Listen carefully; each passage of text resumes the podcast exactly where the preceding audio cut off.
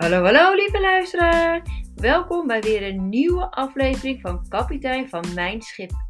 De podcast waarin ik heel graag inspiratie en tips met je deel over hoe jij voor, tijdens en na je scheiding met je emoties leert omgaan. Hoe aan de relatie met je kinderen te werken en te begeleiden tijdens deze fase van jullie leven. En hoe jij weer stapt in jouw mooiste toekomst. Ik heb er weer super veel zin in. Let's go!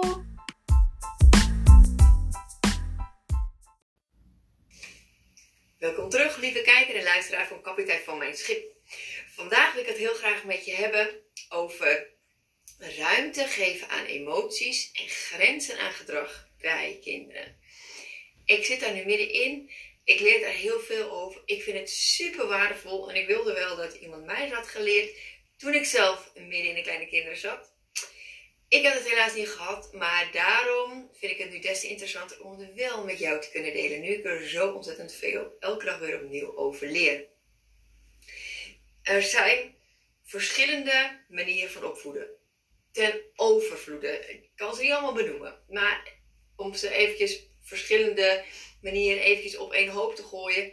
Er zijn ouders die hebben helemaal geen grenzen. Die uh, zeggen, uh, er is ruimte voor alle emoties. En die vinden het lastig om grenzen te, daarin te geven. die zijn bijvoorbeeld bang om een kindje te beschadigen of de liefde van hun kindje te verliezen. En het zijn gewoon bang om het te begrenzen. En het kan zijn doordat ze op een bepaalde manier zelf zijn opgevoed en denken dat nooit meer. ik ga nu precies de andere kant op. Um, en dat gebeurt uit alle liefde. Dus ik, ik geef deze informatie niet om je een slecht gevoel te geven. Ik geef je alleen maar om inzicht te geven hoe je het eventueel ook op een andere manier zou kunnen overwegen. Want je ziet ook ouders die het precies de andere kant op doen. Uh, ouders die, uh, als er een emotie oppopt, uh, zeggen: Doe eens even niet zo gek, doe eens even niet zo mal, word eens even niet zo boos. En duidelijke grenzen aangeven aan een kind. En ook dat is gewoon een keuze en meestal ook gewoon van hoe jij het ook hebt geleerd als kind. En um, nogmaals, ik probeer je hiermee niet een goed gevoel te geven of een slecht gevoel te geven van of je het goed doet of niet goed doet. Je doet het met de beste kennis en intenties die jij op dit moment hebt. Maar wat ik nu heb geleerd is om deze twee te gaan combineren. Hoe zorg je er nou voor dat er ruimte is voor de emotie van het kind en er ook grenzen worden gesteld? Want die zijn ook zeker heel erg gezond om te stellen aan een kind. Um, want als je wordt geboren, wordt je geleerd um, hoe je uiteindelijk zelfstandig moet eten, hoe je moet lopen, uh, hoe je uiteindelijk zelfs mag gaan rennen. Uh, wordt je geleerd uh, hoe je moet praten. En alles wordt aangemoedigd. En we staan allemaal in zij denken, oh wat goed, oh het zegt het eerste woord. Oh kijk, zegt papa, oh zegt, mama, oh wat leuk, zegt dit en dat. En we staan allemaal te juichen aan de zijlijn als een kindje iets nieuws leert. Superleuk en interessant natuurlijk om te zien hoe een kindje zich ontwikkelt. En dan wordt het een peuter, komt in de nee-fase en krijgt het woedeaanvallen.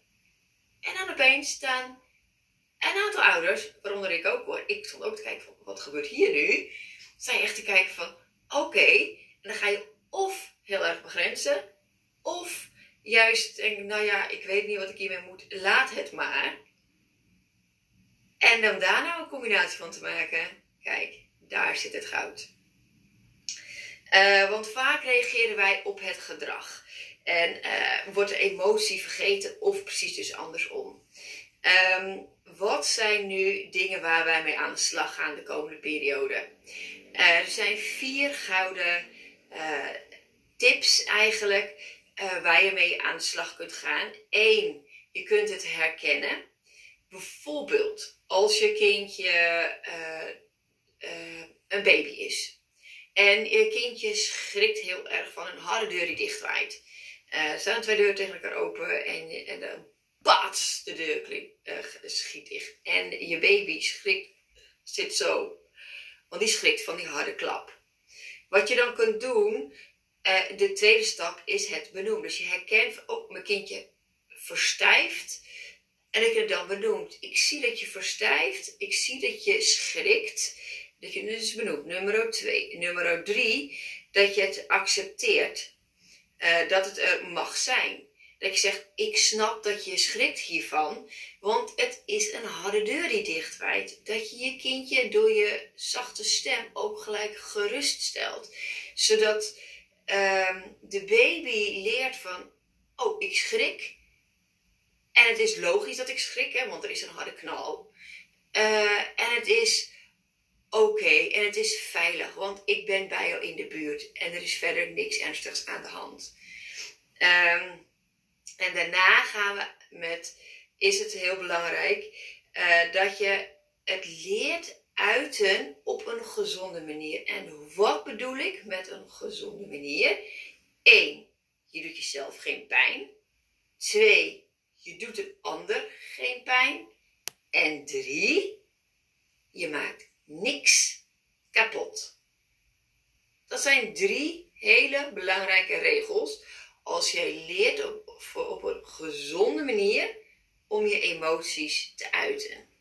Dus daar uh, ga ik uh, uh, tips en tricks over geven en daar gaan we mee aan de slag. Maar uiteraard is het ook heel erg belangrijk om te weten wat voor basisemoties zijn er überhaupt? Uh, waar hebben we het eigenlijk precies over? Dus daar gaat het eerste videootje hierna over. Uh, zodat we dat ook kunnen benoemen. En dan kunnen we daarna weer verder. Oké, dat was het voor vandaag. Ik hoop dat je van hebt genoten. Laat het weten. Uh, duim omhoog.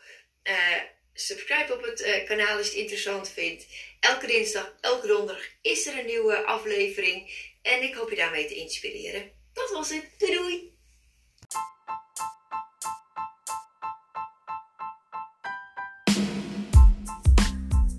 Dankjewel voor het luisteren. Ik hoop dat ik je heb kunnen inspireren en laat mij vooral weten wat het voor je heeft betekend. Mocht je de podcast waardevol en interessant hebben gevonden, deel hem dan alsjeblieft. En voor alle gratis content zou je dan alsjeblieft één dingetje willen doen. En dat is mijn podcast een review geven op Spotify. Dat ik beter bereikbaar ben voor anderen. Alvast super bedankt voor je hulp en tot de volgende keer.